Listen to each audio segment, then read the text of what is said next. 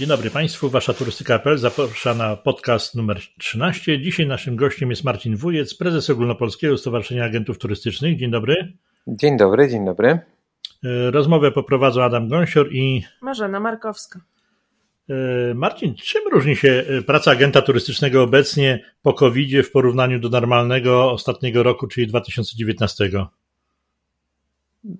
Nie różni się zbyt wiele, jeżeli chodzi o takie założenia generalne, bo jesteśmy po to, żeby, żeby obsługiwać klientów i żeby to robić dobrze, więc e, jakby tutaj, tutaj się nic nie zmieniło.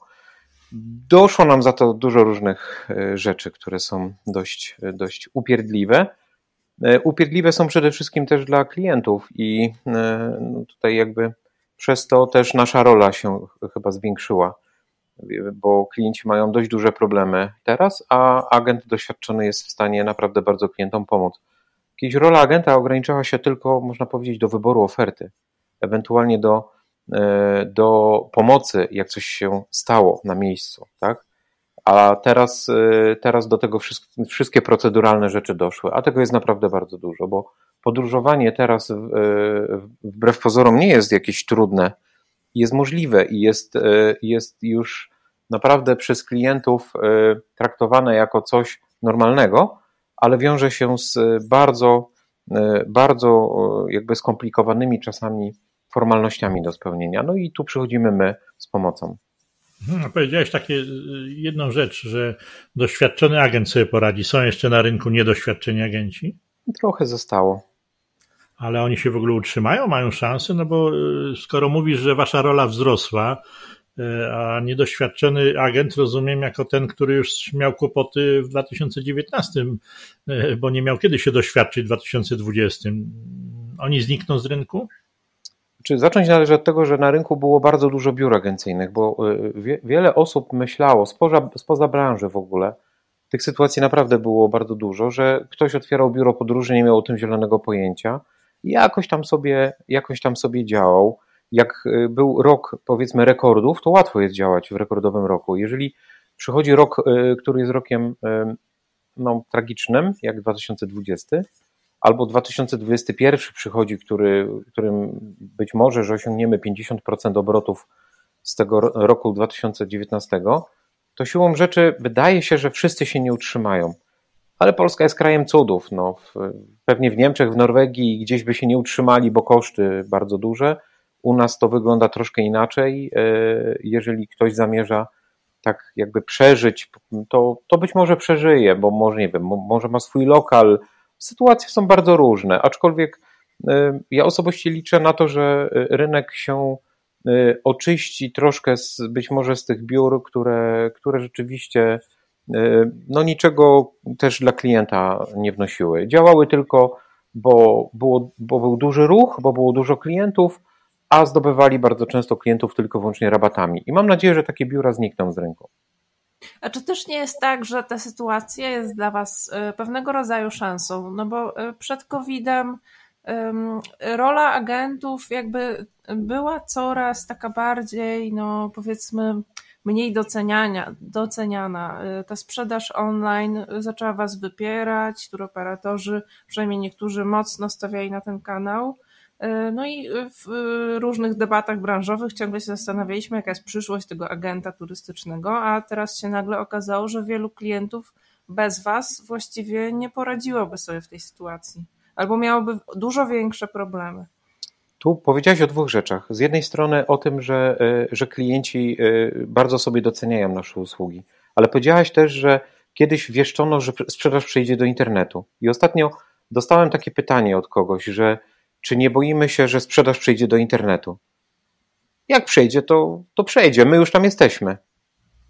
Mhm. Bo, bo my też nie staliśmy, nie czekaliśmy. Yy, zobacz, zobacz, masz kontakt z ludźmi z branży, widzisz, co oni robią, bo internet, bo to jest takie, tak się mówi internet. To nie jest Chodziło tylko... mi o kanały własne wiem, wiem, wiem. online turoperatorów. Oczywiście, tylko pytanie, czy, czy Kanałem sprzedaży to jest, e, to jest tylko i wyłącznie strona, gdzie można kliknąć i kupić, tak bezosobowo, czy kanał sprzedaży online to jest sposób komunikacji, e, która doprowadza do sprzedaży, a odbywa się to nie tak jak kiedyś e, w biurze podróży, gdzie siedzimy twarzą w twarz z klientem, tylko się odbywa w inny sposób. Każdy agent turystyczny ma tak naprawdę profesjonalną infolinię, ma dział, który odpowiada za kontakty mailowe, ma dział, który odpowiada za prowadzenie social mediów i komunikację tutaj. Zresztą nawet ja patrząc po sobie, to nasi klienci, przecież też nie zawsze młodzi, a bardzo często nie młodzi,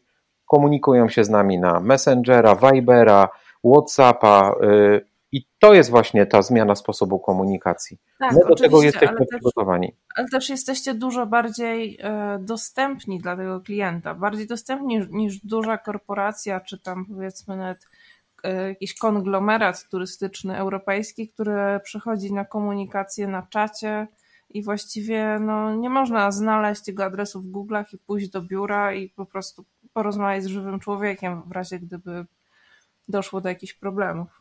Oczywiście, no, no tak jest. Tylko, że to się akurat nie zmieniło, bo to, że byliśmy dostępni, to jest jakby cały czas, y, cały czas podtrzymujemy tą dostępność. Ona była kiedyś, ona jest teraz, więc, więc tutaj się nic nie zmieniło, ale zmieniły się właśnie sposoby komunikacji. I właśnie to, to jest właśnie coś, co pandemia zrobiła, bo pandemia y, z jednej strony y, przyhamowała trochę apetyty na kupowanie takie bez, bez, bez emocji. Bezosobowe, tak? Tak, bezosobowe z jednej strony to przyhamowała nawet niektóre dane i, i, i z Niemiec na przykład, i z zachodniej Europy, ale też powoli z Polski pokazują, że, że klienci jednak wybierają jakiegoś doświadczonego doradcę, e, a, a z drugiej strony e, z drugiej strony to jest tak, że ta rola nasza właśnie pokazaliśmy to, że jesteśmy, jesteśmy w stanie naprawdę rozwiązać wiele, wiele ludzkich problemów, bo te problemy są codziennie, po prostu codziennie. My o wiele więcej też pracujemy. Mhm. Nam jest łatwiej też, e, bo wielu moich kolegów e, widzę, że na przykład pracuje długo, zaczyna rano o dziewiątej, kończy 21 na przykład. To my jesteśmy to w stanie zrobić. Pytanie, czy każdy jest to w stanie zrobić? No chyba nie każdy. Jasne. A powiedz teraz, e, jak wygląda ruch w biurach podróży? Bo różne sygnały do mnie dochodzą. Ty na pewno masz lepszy ogląd tego rynku. Czy są, e, są powody do waszego optymizmu? Mi akurat bardzo, bardzo uważnie oglądałem ostatnio wywiad prezes Itaki. Mariusz Jańczuk powiedział, że sprzedaż teraz jest duża, ale pamiętajmy o tym, że 6-7 miesięcy sezonu letniego powinno być i, e, i, i, i tu niestety tego nie odrobimy. Więc nie możemy się zachłysnąć tym, że, że teraz jest e, sprzedaż dobra, ponieważ, ponieważ tak naprawdę no mówię, osiągniemy 50, być może 50% y, wartości z roku 2019, a to powinno nas skłonić do, do jednak no, ciężkiej pracy i jakby nie, jeszcze nie takiego dużego optymizmu. Poczekajmy z tym optymizmem. Mam nadzieję, że rok 2022 już będzie taki normalny i będziemy normalnie pracować i zarabiać przez, przez po prostu każdy miesiąc naszej pracy. A wróćmy na, na, moment do tego nienormalnego i strasznego jednocześnie roku. E, na czym według Ciebie polegały największe problemy z klientami, jeśli takowe były? W roku 2020? Tak. To nie, nawet nie były problemy z klientami. To w ogóle były problemy po prostu z naszą sytuacją. No, to jest, mhm. bo na przykład teraz już, e, pomimo tego, że pandemia jednak dalej trwa i nie można powiedzieć, że już się wszystko skończyło, to po pierwsze klienci są oswojeni z tym, po drugie no jednak szczepienia powodują, że wiele osób ma to podróżowanie bardzo mocno ułatwione. Yy, następna rzecz, no jakby na to nie patrzeć, to na przykład test PCR, który w tamtym roku kosztował 500, 600. W szczytowym momencie test PCR potrafił kosztować nawet 700 zł w niektórych miejscach. Teraz bez problemu mamy go za 249 zł na przykład. To już mówimy a, o znaczącym a ten, a ten bałagan decyzyjny, który, który istniał w zeszłym roku, w zasadzie od początku lata, nie, nie, nie skupiał się trochę na was, klienci nie mieli pretenowych, byliście na pierwszej linii frontu. E, jeśli, jeśli słyszą co tydzień e, albo, że Hiszpania jest otwarta, albo, że Hiszpania jest zamknięta, no to siłą rzeczy część pretensji w jakiś tam sposób wylewała się pewnie u was, no, nawet na takiej zasadzie, panie, powiedz mi pan, co, co ja mam robić z wakacjami. Nasi klienci byli cudowni. To naprawdę trzeba przyznać, że to było coś niesamowitego. Jak duże zrozumienie wykazali, jak, jak nawet kwestia Pani Marcinie, zostawiamy te pieniądze, oni na pewno mają ciężko, y, a, a mi te dwa tysiące teraz nic nie zmieni, a im pomoże. Dużo było takich rozmów, naprawdę. Także y, klienci stanęli, stanęli naprawdę na wysokości zadania, jeżeli można tak powiedzieć. Y, I, i, I tutaj należy być im po prostu wdzięcznym za, za te postawy. Zresztą większość turoperatorów mówi, że tam około 50% klientów wybrało zmianę terminu, przełożenie wyjazdu na następny rok albo na przykład voucher. To są to są dane przecież szokujące. Tak powinniśmy to traktować, że, że teraz ci klienci powinni być tak dopieszczeni przez, przez rynek, bo oni, oni naprawdę y, rozumieli sytuację, nie mieli żadnych pretensji. Ja nie jestem jakimś małym agentem, może nie jestem jakimś wielkim, ale, ale też nie jestem małym. Nie mieliśmy ani jednej rozmowy z klientem, ani jednej, y, gdzie byłaby jakaś nerwowa, nerwowa rozmowa. Mhm. Naprawdę tutaj trzeba przyznać, że nasi klienci są fantastyczni.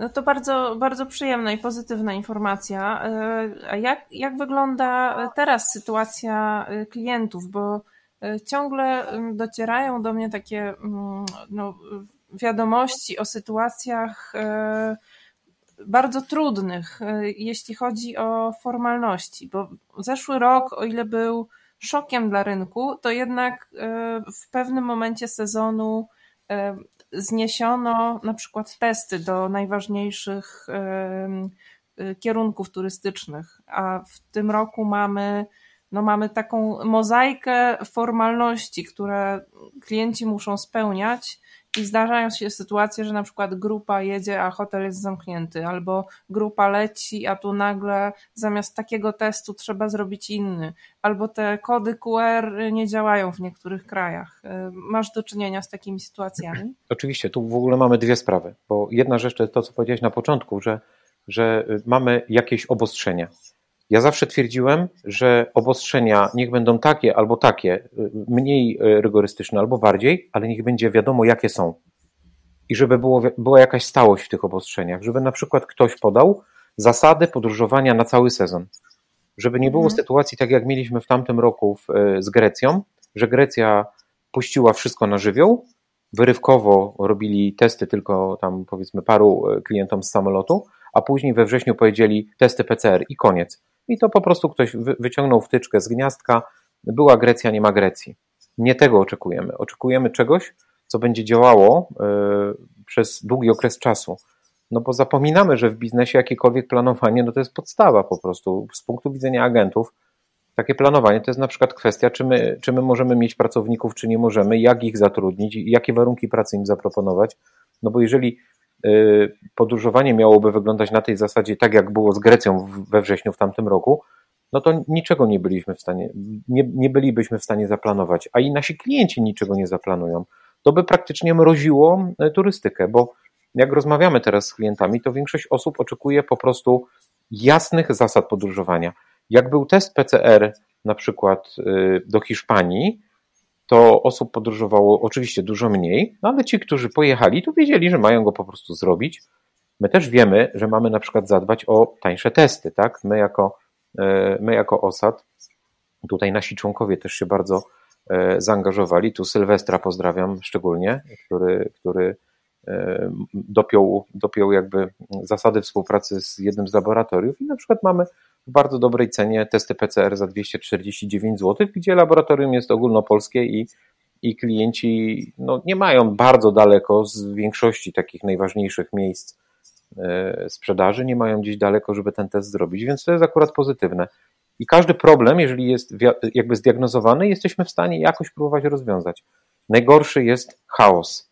I teraz pewne rzeczy teraz się zmieniają na lepsze, więc to jest, to jest dobry trend, bo bo przykład Hiszpanii, która e, nagle stwierdziła, że, że będzie jednak e, zaszczepionych traktowała inaczej, że, że, że, że po prostu tutaj jakby no, bo ludzie też muszą mieć jakąś motywację, tak, do tego, żeby ten problem rozwiązywać na przykład szczepieniem. No, jeżeli nie będzie żadnych, żadnych e, zachęt dla zaszczepionych i nie będziemy uważać, że oni oni są bezpieczni, no to cały program leży i teraz nigdy nie wyjdziemy z tej pandemii, więc to są dobre rzeczy. Krok po kroku się, e, się to wszystko w dobrą stronę zmierza i mam nadzieję, że tak będzie. I dlatego, dlatego tutaj taki ostrożny optymizm może być, bo bo wszystko, no, mówię, idzie w dobrą stronę. Jako osad e, swego czasu wystosowaliście taki postulat e, dopłat do testów. E, czy to dalej, czy, czy to dalej ma jakby uzasadnienie, czy dalej rozmawiacie o tym, czy po prostu no już tyle osób, które chcą wyjechać, ma te szczepienia wykonane, że, że to jakby już nie jest tak ważne? Powiem tak, zaskakująco dużo osób nie ma wykonanych szczepień z tych, którzy chcą pojechać. I to, I to niestety też powoduje e, sytuację taką, że jednak te testy trzeba kupić. One są jednak jakby istotną częścią składową wyjazdu, bo jeżeli mówimy o czteroosobowej rodzinie, to nawet takie tanie testy to jest, to jest 1000 złotych. Jeżeli, e, jeżeli wyjazd e, do Bułgarii, powiedzmy, czy jakiś inny tani wyjazd jest, to może być to naprawdę dość istotny składnik tego, tej ceny tego wyjazdu, więc ja cały czas będę optował za, za dopłatami do testów jako, bo to jest taka fajna pomoc dla branży, uważam, bo to jest taka pomoc celowana, to nie jest takie rozdawanie e, pieniędzy, tylko stymulowanie turystyki za pomocą jakiegoś działania, które, które, no, no, które pomaga po prostu przedsiębiorcom prowadzić ich biznes. Oni normalnie pracują wtedy, bo to jednak zdecydowanie lepiej jest pracować niż, niż dostawać coś za darmo.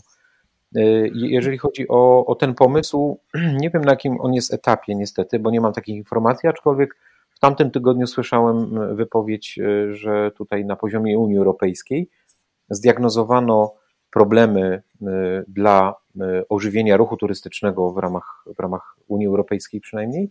I jeden z, z głównych tych hamulcowych, że tak można powiedzieć, jest to, że że testy trzeba robić i być może, że będzie jakaś, jakieś ze środków unijnych. E, słyszałem nawet, że około 20 chyba 5 czy 30 milionów euro e, planuje się przeznaczyć na dopłatę do testów. Myśmy tak jako osad, myśmy jako osad wyliczyli, że, mhm. że to mogłoby się zamknąć kwotą no, maksymalnie 100 milionów złotych na cały, na cały ten sezon, więc to nie mówimy znowu o jakichś takich gigantycznych pieniądzach, a zyski byłyby moim zdaniem nieporównywalnie większe. No tak, tylko że troszkę, troszkę mówię, trochę się to kłóci z tym, co powiedziałeś przed chwileczką o szczepieniach, bo raczej powinno nam zależeć na tym, żeby jak najwięcej ludzi się szczepiło, nawet y, pod, w cudzysłowie groźbą, że, że nie wyjadą, bo nie są zaszczepieni. Kiedy będą mm, dopłaty do testów i te testy jeszcze bardziej stanieją, zniknie w jakiś sposób motywacja do szybkiego szczepienia się przed wakacjami. Zauważ, że teraz ostatnie dwa tygodnie to tempo szczepień jest naprawdę duże, po 400-500 tysięcy dziennie. I wszyscy podejrzewają, że chodzi o tę grupę, która chce właśnie wyjechać i boi się, że bez szczepień nie wyjedzie e, łatwo. Czy testy nie byłyby e, z kolei hamulcem do szczepień? Bardzo tanie testy. Myślę, że nie, bo tempo szczepień ogólnie się zatrzymało i to nie dlatego się zatrzymało pewnie, że, że po prostu ludzie którzy chcieli się zaszczepić, to już się zaszczepili. Znaczy, no nie, no to właśnie tak, chyba, że zaszczepili się ci, którzy chcieli. E, ja rozmawiam na przykład z, ze starszymi osobami tutaj na moim terenie i na przykład nie chcą się szczepić, czego, czego tak mhm. naprawdę nikt nie rozumie, łącznie ze znajomymi lekarzami, ale, ale nie chcą. I, i pytanie, e, pytanie, czy teraz e, to duże tempo szczepień nie wynika z tego, że po prostu mamy szczepionki, bo ludzie się nie chcą szczepić i ci rzeczywiście, którzy chcą się zaszczepić, mają do tego dostęp łatwy i mogą się po prostu mówić na termin się szczepić. To raczej ten, a poza tym wydaje mi się, że tutaj y, są dwie rzeczy. Dopłata do szczepień to jest jedno, a na przykład to, że ktoś musi prowadzić kampanię informacyjną proszczepieniową, to jest jakby zupełnie inna strona medalu i jakby tutaj to nie jest nasza rola mówić ludziom, że nie korzystajcie z dopłat do testów, tylko się zaszczepcie, tak, bo my jesteśmy od czegoś innego. Od planowania kampanii informacyjnych jest, y, tu tylko dodam jeszcze, jeżeli mogę, w kwestii szczepień. Myśmy się za to mieli zabrać, nie wiem, 10-15 lat temu, jak się zaczęły ruchy antyszczepionkowe, a nie teraz się zastanawiać nad pokłosiem tego, co się dzieje, tak? To jest mój komentarz do szczepień. Mhm. E, wróćmy do sprzedaży. Część agentów e, zaczęła sprzedawać e, często po raz pierwszy w życiu ofertę polską. Mm, jak oceniasz wagę oferty polskiej w sprzedaży agencyjnej? To mogłaby być duża waga, ale, ale, ale do końca nie jest, ponieważ są pewne przyzwyczajenia klientów. To jest po pierwsze. Czyli ludzie są przyzwyczajeni do tego, żeby sobie po prostu dzwonić po ośrodkach i szukać. Nawet jeżeli, jeżeli to ma być, że 40 telefonów wykonam i, nigdzie nie ma miejsc, nie? To, to wtedy już odpuszczam i przychodzę do biura podróży. To jest o tyle dziwne, bo mamy naprawdę dobrą ofertę krajową. Dzisiaj zresztą robiłem dwie takie oferty krajowe dla klientów, którzy akurat też przy okazji chcieli wykorzystać bon 500, więc to jest akurat myślę mo, może dobry prognostyk, że powoli coś się zaczyna w tym temacie dziać, przynajmniej ja u siebie zauważam. E, myślę, że to jest kwestia też informowania klientów o, o tym, że ofertę krajową mamy.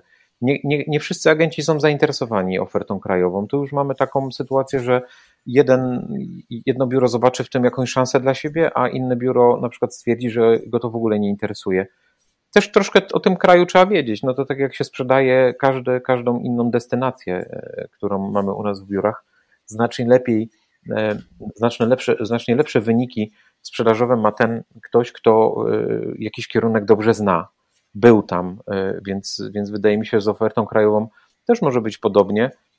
Polskie morze wydaje się, że, że jest takie samo, a nie jest takie samo, bo są tam jednak te miejscowości się różnią. Myślę, że można nad tym popracować tak na przyszłość. Jakieś wyjazdy studyjne, coś. Y, a, a po drugiej stronie w ogóle problemów jest to, że y, hotele, hotele właściwie nie chcą współpracować tak z, na przykład z rynkiem agencyjnym.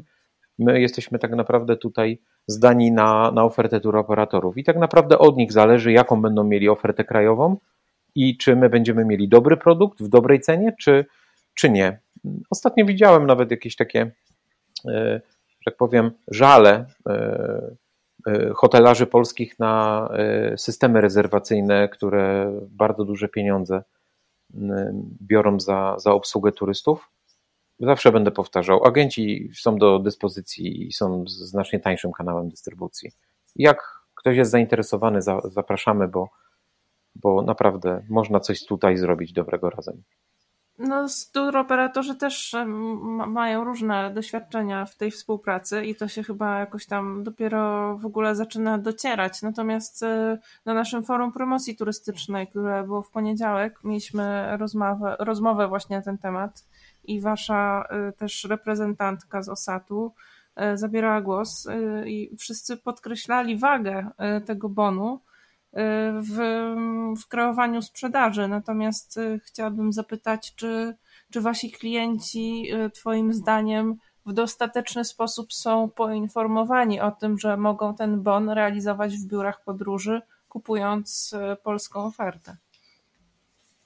Tego nie wiem, bo mogę odpowiadać ewentualnie za na przykład za swoje działania i, i za, za, za ten od, widzę po odbiorze na przykład moich klientów. Ja dość dużo dużo postarałem się jakby, żeby, żeby dotrzeć z informacją do moich klientów. Ja parę razy nawet robiłem mailing w sprawie bonu 500+, mam na swojej stronie artykuł o tym z takimi nawet pewnymi inspiracjami, bo może nie każdy z moich klientów na przykład e, wpadłby na, na jakieś takie pomysły, które nie wiem, dla mnie są oczywiste, że taki bon na ofertę krajową niekoniecznie trzeba wykorzystać na przykład na tydzień w Mielnie z rodziną. Mhm no bo może ktoś by w ogóle do tego Mielna nie chciał na przykład pojechać, tak? Ale mógłby na przykład pojechać na weekend do Warszawy, e, zabrać dzieci i pokazać im jakieś rzeczy bardzo ciekawe, które są w Warszawie, albo pojechać do Wrocławia e, i pokazać, e, pokazać zoo na przykład we Wrocławiu, albo pojechać do Torunia i Muzeum Piernika zobaczyć, albo pojechać na wycieczkę rowerową na Kaszuby i wykorzystać to, wykorzystać to tam w jakimś ośrodku. Pomysłów jest dużo. Turystyka narciarska e, jest do wykorzystania też. Tu mamy tylko taki problem, bo e, słyszałem głosy, że o, że bon, że tam nic, nic z tego bonu właściwie nie było, że klienci nie przychodzą. Pamiętajmy, że e, jeżeli mówimy tam o kwocie tam ponad 3 miliardów złotych, jeżeli chodzi o wartość całego programu, jeżeli każdy by ten bon pobrał i wykorzystał, to w tamtym roku ile 200 milionów złotych zostało tylko raptem wykorzystane, czyli nawet nie 10%, y, więc jakby wszystko to, y, co, y, co nas czeka z bonem, to się wydarzy w tym roku, ewentualnie w przyszłym, jeżeli, jeżeli on zostanie przedłużony na, na przyszły rok. Nie wiem, czy już został przedłużony, bo, bo tam takie rozmowy były. Raczej nie zostanie przedłużony będzie do, do, tam do końca marca, do a potem być, tak. te pieniądze przepadną, jeśli znaczy zostaną skierowane na co innego zupełnie, mhm. a ewentualnie zostanie uchwalony kolejny bon, kolejna pomoc, być może dla emerytów. Podwyższono inflację, natomiast te pieniądze, które zostały przeznaczone, na pewno mogą być tylko wykorzystane do końca marca i to no. bez dwóch zdań. To, to, to jedno jeszcze trzeba powiedzieć, przecież do tej pory mieliśmy hotele zamknięte, więc trudno było wykorzystywać też bon, więc y, turystyka dopiero rusza. Ja też y, przez długi okres czasu nie miałem żadnych zapytań i te zapytania tak naprawdę są dopiero ostatnio. Zresztą nie ma co mówić, no przecież sprzedaż w biurach agencyjnych zaczęła się tak naprawdę po weekendzie majowym. Wcześniej nie mieliśmy, nie mieliśmy praktycznie e, żadnego ruchu. To były jakieś wyjazdy. Ktoś przychodził i pytał się o wyjazdy za, za chwilę, za trzy dni, za tydzień, za dwa tygodnie i to były wyjazdy powiedzmy z, tego, z tej oferty zimowej. Ale, ale tak naprawdę lato zaczęło się sprzedawać po weekendzie majowym, więc wydaje mi się, że jeżeli chodzi o ofertę krajową, to no tutaj też przecież y, turyści krajowi muszą zobaczyć, że na przykład to wszystko działa, tak? że hotele działają, że, że są jakieś y, takie albo inne obostrzenia, na przykład, że są restauracje otwarte, bo to jest wszystko powiązane. No może być hotel otwarty, a miejscowość może być praktycznie zamknięta, tak? Jeżeli, jeżeli tam nie będzie y, żadnych atrakcji, nie będzie co zrobić. Więc, więc jeżeli to, to idzie w tą stronę, że się otwieramy, to być może, że i mocno się napędzi tutaj kwestia zainteresowania właśnie bonem i to trochę na to liczę, bo teraz powiem coś takiego z punktu widzenia biznesowego. Polska jest fajna, Polska jest droga. Polska potrafi dać, e, dać e, z punktu widzenia prowadzenia biznesu podobny zarobek jak oferta wyjazdów zagranicznych, więc nie ma co się obrażać na ofertę krajową. Ona jest, ona jest pełnowartościową ofertą w biurach podróży. Jak rozmawiałam z agentami turystycznymi jeszcze rok temu e, na pierwszych stadyturach po Polsce, to no, e, ta informacja była dla nich dość szokująca, że, że Polska jest opłacalna biznesowo. Tak? To jest nowe zjawisko. Mhm. Tak. Ja Polskę sprzedaję od lat, bo, bo jeszcze powiedzmy takie, takie biura, które już nie istnieją, a były jakieś duże, nie wiem czy można wymieniać, ale, ale przecież mieliśmy taki produkt i ja dzisiaj, e, ja dzisiaj robiłem wycenę dla rodziny. Dwie osoby dorosłe, dziecko 5 lat i dziecko e, niemowlę, czyli do dwóch lat. I, i hotel, czterogwiazdkowy hotel z aquaparkiem, nowy, który jak byłem ostatnio na objeździe wybrzeża, to go, to go widziałem i mówię, kurczę, ale hotel super, naprawdę, pewnie będzie drogi. W lipcu na 10 dni kosztował dla tej rodziny 16 tysięcy złotych to przepraszam, ale ja bym tą rodzinę na Dominikanę za te pieniądze wysłał, nie? Więc y, tak naprawdę y, nie bójmy się Polski, agenci, sprzedajmy, hotelarze, nie bójcie się współpracy z agentami, bo naprawdę moglibyśmy tutaj dużo, dużo zdziałać. Może twój głos trafi do agentów, jak, jako postaci ważnej dla agentów, ponieważ y, jak Marzena wspomniała, w zeszłym roku rozmawialiśmy na różne tematy z agentami i część trwała w takim marazmie, to znaczy na pytania, czemu nie sprzedają Polski, mieli jedną odpowiedź, no bo ja czekam, bo zaraz Seszele będę sprzedawał i na tym jest, na tym jest marża, poczekam, a te Seszele dość długo się nie sprzedawały.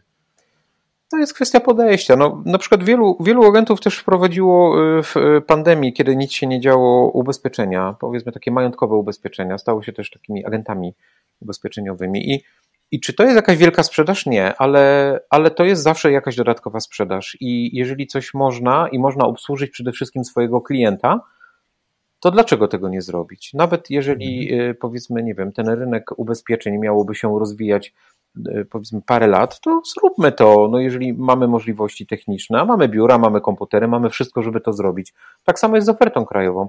Dlaczego nie obsłużyć klienta na ofertę krajową? Jakby nie rozumiem, że można by było tego nie zrobić. No.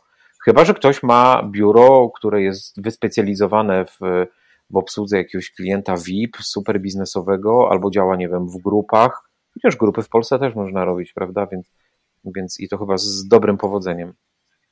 Ten rynek agencyjny w Polsce, Twoim zdaniem, mocno się przerzedził y, podczas tego roku pandemicznego.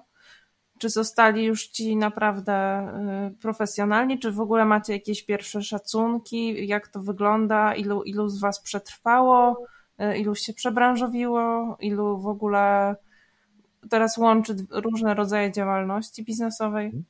Y, szacuje się, znaczy no mamy takie dane tam z systemu Merlin też, że, że tam około 10% powiedzmy aktywnych użytkowników przestało być mniej, więc to możemy tak mniej więcej powiedzieć, że około 10%, ale rynek się jakoś bardzo nie przetrzebił.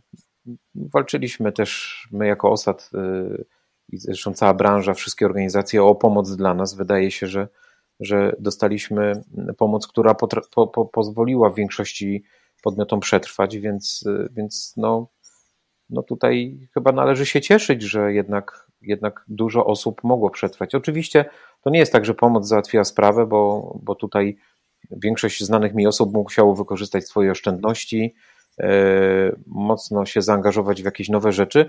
Powiedziałaś o przebranżowieniu i tu większość osób się yy, jakby postawiło drugą nogę biznesową, yy, które znam przynajmniej i to nie jest tak, że rzucili turystykę i zajęli się czymś innym, ale y, pomyśleli o tym, żeby drugą nogę biznesową tworzyć. Y, za to część pracowników odeszła z turystyki. I, i bo nie chciała pracować na, na jakieś takie, powiedzmy, minimalne wynagrodzenia, y, bez, bez prowizji za sprzedaż, bo tych prowizji no nie było, bo nie było skąd być, bo tej sprzedaży praktycznie nie było, więc, więc tutaj na pewno troszkę, troszkę osób odeszło co zresztą też powtarzają restauratorzy i różne inne branże, że tu niestety ten odpływ pracowników nastąpił. I to jest, to jest szkoda, bo on nastąpił z tego co wiem i w biurach podróży, ale też niektórzy przewodnicy odeszli, jacyś specjaliści od organizacji też e, turystyki, więc tego akurat szkoda. No ale no, takie są niestety koszty kryzysu. E, czy, mm, czyli ci, którzy zostali, e, w razie gdyby przyszła, przyszedł kolejny kryzys, e, są jakby w lepszej pozycji, bo mają nowe źródło dochodu, czy dobrze rozumiem? Nie, nie, to nie jest aż tak. E, bo to są, nie ma teraz biznesów, które można otworzyć i od razu zacząć zarabiać pieniądze, które pozwolą na, na, na jakieś tam spokojne życie. To raczej większość traktuje to z nas jako powiedzmy dodatek. Tak? Ja powiedziałem o ubezpieczeniach to tak naprawdę jest biznes, który trzeba znowu rozwijać parę lat. Tu nic się nie wydarzy. Nie, nie, ma, nie ma już takich, takich sytuacji, że się coś otwiera i, i tego nie było, a, a, a, a myśmy to wymyślili. To czegoś takiego raczej nie, nie, nie zrobimy. Ale myślę, że takimi małymi kroczkami do przodu nasze biznesy mają szansę, jeżeli ktoś y, tą drugą nogę biznesową jakąś tam tworzył, to za, y, jeżeli mówi się, że to nie jest ostatni kryzys, że e, taki, że nie jest ostatni jakiś problem wirusowy i następny może być, nie wiem, za 10 lat, to należy właśnie w takiej perspektywie chyba myśleć o tym, żeby, żeby myśleć, jak być gotowym na, ewentualne, na ewentualną powtórkę, ale nie za rok, bo tego może nikt nie przeżyć już, tylko powiedzmy za 5, za 10 lat. Mhm. E, chciałabym na chwilkę jeszcze wrócić do y, turystyki międzynarodowej w tym sezonie. Y, dzisiaj dowiedzieliśmy się, że weszło już, że zakończyła się procedura legislacyjna w Unii Europejskiej dotycząca wprowadzenia tego certyfikatu unijnego zdrowotnego, który ma być tym cyfrowym dokumentem, który upłynni podróżowanie. Jak przyjmujesz tą informację? Bardzo dobrze, to jest właśnie coś, na, to, na co wszyscy czekali, i klienci, i my, i w ogóle cała branża, bo, bo to jest kolejne ułatwienie, tak? To jest, y, ktoś się szczepi, pobiera sobie certyfikat, który jest bezpieczny, bo tam były kwestie, rozważane kwestie, że ten certyfikat ma być bezpieczny, żeby tam nie było w tym certyfikacie żadnych poufnych danych, które, które można wykorzystać, więc to ma być tylko i wyłącznie coś takiego technicznego, które, które okazanie tego czegoś powoduje, że że możemy gdzieś wjechać bez żadnych problemów. Także to jest bardzo dobra informacja. Na to czekaliśmy, tak jak mówię, i my, i klienci. E, ja mam klientów, którzy tak naprawdę te certyfikaty pobierali w pierwszym dniu już, kiedy one były i dzwonili do mnie, Panie Marcinie, mam już na, na mam certyfikat pobrany, mam go, mam go, mam go, super. Teraz pomyślmy o wyjeździe. Czyli najpierw pobierali w ogóle certyfikat, a dopiero później e, mówili, że coś byśmy pomyśleli o jakimś wyjeździe. To jest, to jest akurat bardzo, bardzo dobre. A czy są też tacy klienci, którzy z jakichś powodów obawiają się takiego rozwiązania? Nie, nie spotkałem się. Raczej przeciwnicy szczepień uważają, że są dyskryminowani z jakiegoś tam powodu, ale to parę takich głosów słyszałem. Tak, tak, parę, parę takich głosów słyszałem. Ja mieszkam na Podhalu, które jest dość takie konserwatywne i tutaj różne teorie się słyszy. E, ale, ale słyszałem też takie, że, ale niedużo na szczęście, także no my jednak mamy do czynienia z ludźmi, którzy chcą podróżować, tak? którzy sobie cenią tą wolność taką, którzy nie, nie, nie widzą siebie w lecie w, w ogródku z motyczką, tylko, tylko widzą siebie na, na, na plaży, więc, więc dla nich to jest jakby oczywiste, że trzeba się dostosować do, do, do tych obostrzeń, które są. A najlepsze i najprostsze, co teraz można zrobić, to się zaszczepić i mieć taki certyfikat. Tak uważam osobiście. A czy według Twojej wiedzy ten certyfikat idzie w parze z jakimś ujednoliceniem zasad podróżowania w, wewnątrz wspólnoty, czy nadal będziemy mieli do czynienia z taką sytuacją, że a żeby lecieć do Hiszpanii wystarczy szczepienie, a żeby lecieć tutaj trzeba mieć test PCR, y, a żeby polecieć tam trzeba mieć test antygenowy, a na przykład do innych krajów w ogóle można wlecieć bez niczego. Znaczy tych krajów, gdzie można wlecieć bez niczego jest stosunkowo mało, bo jeżeli mówimy o na przykład Europie, to jest raptem Albania, Czarnogóra. E, jeżeli mówimy o... Od dzisiaj chyba Cypr też.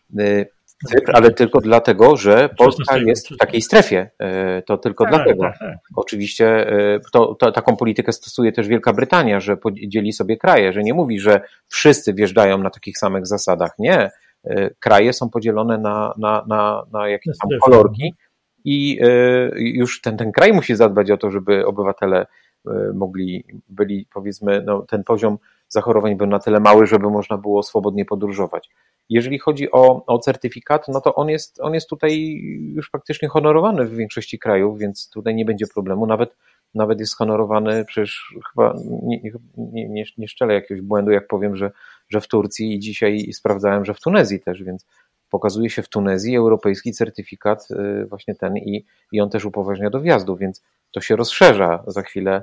Za chwilę mam nadzieję, że inne kraje będą też to wszystko respektować. No turystyka jest taką rzeczą, która no, nie jest w ramach powiedzmy czegoś takiego y, małego typu Unia Europejska. No ona jest po prostu globalna, więc, więc chyba y, wszystkie powiedzmy kraje dojdą do jakiegoś może wspólnego wniosku, że że, że trzeba na, na przykład honorować te certyfikaty. Nawet jeżeli nie będą mieli wszyscy takiego samego certyfikatu jak na przykład Unia Europejska, może nie wiem, Ameryka, może Ameryka Łacińska będzie miała jakieś swoje. Chodzi o to, żeby je wzajemnie na przykład e, e, respektować, więc miejmy nadzieję, że tak będzie. No jak widać, Tunezja już, e, już, już idzie w tą stronę. To, jest, to są dobre wieści bardzo. A jeśli chodzi o procedury e, przyjazdowe po powrocie do Polski, e, to czy agenci turystyczni są, są z nich zadowoleni, czy widzisz tu jeszcze jakieś pole do e, zmian, do ulepszeń? Na przykład to, że trzeba y, zrobić test antygenowy po powrocie, niby super sprawa, ale może być dość uciążliwe. Albo to, że na Okęciu Straż Graniczna każdego przepytuje ze z jego adresu domowego przy innych pasażerach i podaje się na głos numer telefonu. I to tworzy kolejkę nawet jak tylko dwa samoloty wylądują jednocześnie, a co dopiero w lipcu. To jest akurat dziwne, dla mnie dziwne jest rozdawanie tych kart w samolocie, gdzie, gdzie e, trzeba wpisać swoje dane, a to tak naprawdę nie jest obowiązkowe, ale robi się wokoło e, tego taką aurę, że jakby się tego nie wypełniło, no to nie wiem, kryminał chyba od razu. I to jest akurat to jest taki przykład czegoś, co... Albo do izolatki. Tak, tak. To jest przykład czegoś, co akurat y, y, wymagałoby troszeczkę doprecyzowania. W końcu jednak wszędzie podajemy jakieś swoje dane osobowe i, i, i to powinno być mocno uregulowane. Powinniśmy na to bacznie zwracać uwagę. My na przykład w biurach agencyjnych zwracamy bardzo uwagę na ochronę danych osobowych i, i, i, i powinniśmy się tym wszyscy kierować, ale y, tu się to wszystko też bardzo zmienia. No dzisiaj gruchnęła też wiadomość o tym, że że z, zwolnione z kwarantanny są też dzieci, które e, podróżują z dwójką zaszczepionych rodziców i, i mieszkają w wspólnym gospodarstwie domowym. To są, to są jakieś tam nowości, to wszystko idzie, no to jest znowu dobra informacja, tak? No bo jeżeli nie mamy szczepień dla dzieci, ale mamy dla rodziców i te, ci rodzice są zaszczepieni, to w tym momencie te dzieci też są zwolnione, no bo mieliśmy taką troszkę paranoję, że, yy, że dzieci wracają z rodzicami rodzice są bezpieczni, a dzieci są niebezpieczne i muszą być badane, więc, więc tutaj, tutaj to troszkę, e, troszkę rzeczywiście kuleje taka powiedzmy spójność, spójność i logiczność, ale mam nadzieję, że to wszystko idzie w dobrą stronę, bo na przykład to z tymi zwolnieniami dla tych dzieci, że nie muszą robić testu, to akurat jest e, krok, wydaje się, taki logiczny w dobrą stronę. Mhm. Jako osad, ile stanowicie, jaki stanowicie prac, procent aktywnych agentów w całej Polsce? Około 10%. Jesteście na tyle znaczącą siłą, że, że warto utrzymywać tę organizację, a może powinniście e, wejść e, całością do na przykład do turystycznej organizacji otwartej i e, stanowić tam mocną sekcję agencyjną, ponieważ razem, jak się pokazało, stanowicie dużo większą siłę niż 10% agentów w Polsce. Jakie jest Twoje zdanie na ten temat? Myślę, że warto dbać o interesy agentów, mając swoje stowarzyszenie. E, myślę, że większość naszych e, e, koleżanek i kolegów ze stowarzyszenia myśli podobnie. Jeżeli chodzi o, o wspólne działania, no to przecież udowodniliśmy, że to jest możliwe jak najbardziej i, i wydaje mi się, że branża turystyczna akurat chyba najbardziej ze wszystkich się potrafiła wziąć w garść na samym i to było ważne, na samym początku, na samym początku tego całego kryzysu, bo pierwsze sygnały poszły od turystyki przyjazdowej. Tutaj, e, tutaj z Krakowa były pierwsze sygnały o tym, że, że, e, że się dzieje bardzo źle, bo tam no to też zero-jedynkowo e, było. Byli turyści, nie ma turystów nagle. Więc pierwsze sygnały z Krakowa i myśmy się wszyscy naprawdę zorganizowali, wzięli w garść i, i to pokazuje, że nie trzeba robić wszystkiego razem ale w ważnych sprawach powinniśmy y, współpracować. I to się dzieje, więc to sobie akurat muszę powiedzieć bardzo cenię, jeżeli chodzi o to, co, co, co się działo w czasie y, kryzysu pandemicznego. A czy wzrosło zainteresowanie agentów OSAT-em, czy, czy, czy nie? Czy jest takie samo, jak było dwa lata temu? Czy ktoś docenił te wasze prace spoza waszych członków, że wywalczyliście o całe środowisko? Ja często słyszę tak, y, no w OSAT tam robicie fajne rzeczy, ale ja się nie zrzeszam. No i to jest taka odpowiedź, y, której nie rozumiem. Składka do SAT-u to jest 500 zł rocznie. Wydaje mi się, że jest to do, do odzyskania w dwa tygodnie. Jedno szkolenie, mhm. które robimy, y, a my na przykład y, postawiliśmy już parę lat temu na szkolenia sprzedażowe i na szkolenia z social mediów. No nie powiem, no przydało się to super, tak, na, na dzisiejsze czasy. Myślę, że ktoś znaczy nie myślę, bo widzę y, paru, paru czy kilkunastu naszych członków bardzo mocno y, się rozwinęło, jeżeli chodzi o media społecznościowe. Mam nadzieję, że dzięki naszym szkoleniom y, też i, i to jest właśnie super, tak, że nagle, nagle stanowimy nagle stanowimy jakąś taką poważną siłę, że świat się zmienia, a agenci się zmieniają razem z tym światem. To jest bardzo, bardzo, bardzo dobre akurat. Będzie was więcej w Osacie? Nie wiem, ale bo y, ja powiedziałem, że 10% jakby takiej liczby agentów, tak? Ale jakbyśmy mhm. liczyli sprzedaż, to jest to cyfra myślę, że trzykrotnie większa, albo no myślę, że trzykrotnie. Mhm. Teraz będziecie wszyscy bardzo zajęci, bo właściwie, właściwie zbliżamy się do takich żniw, y, jeśli można w ogóle o nich mówić y, w tym roku. Jak, ale rozumiem, że OSAD dalej działa i będzie aktywny. Na czym najważniejszym teraz przez najbliższe tygodnie skupicie się jako organizacja?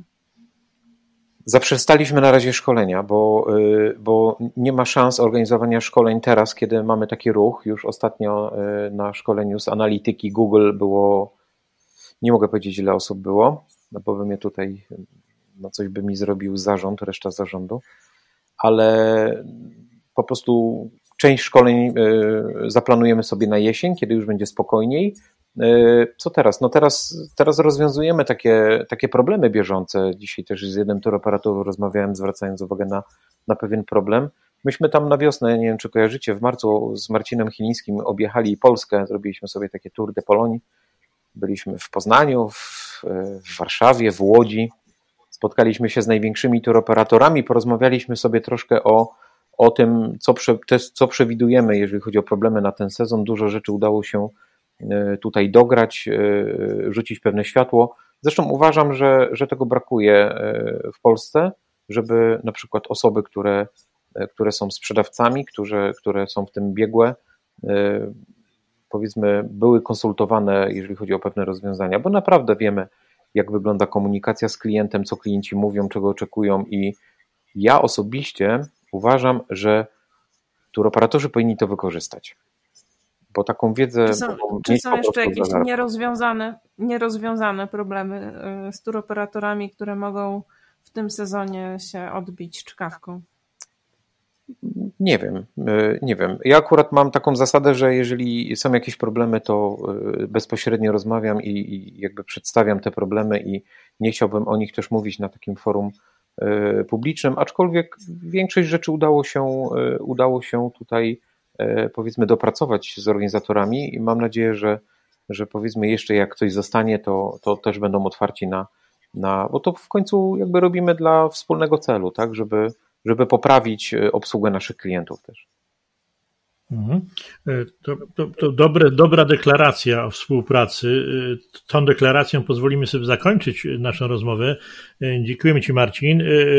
Wasza turystyka.pl to był trzynasty podcast. Naszym gościem był Marcin Wujec, prezes Ogólnopolskiego Stowarzyszenia Agentów Turystycznych. Pięknie dziękujemy. Dziękuję również. A o naszych podcastach różnych, archiwalnych i przyszłych możecie się dowiedzieć na, strona, na stronie waszaturystyka.pl.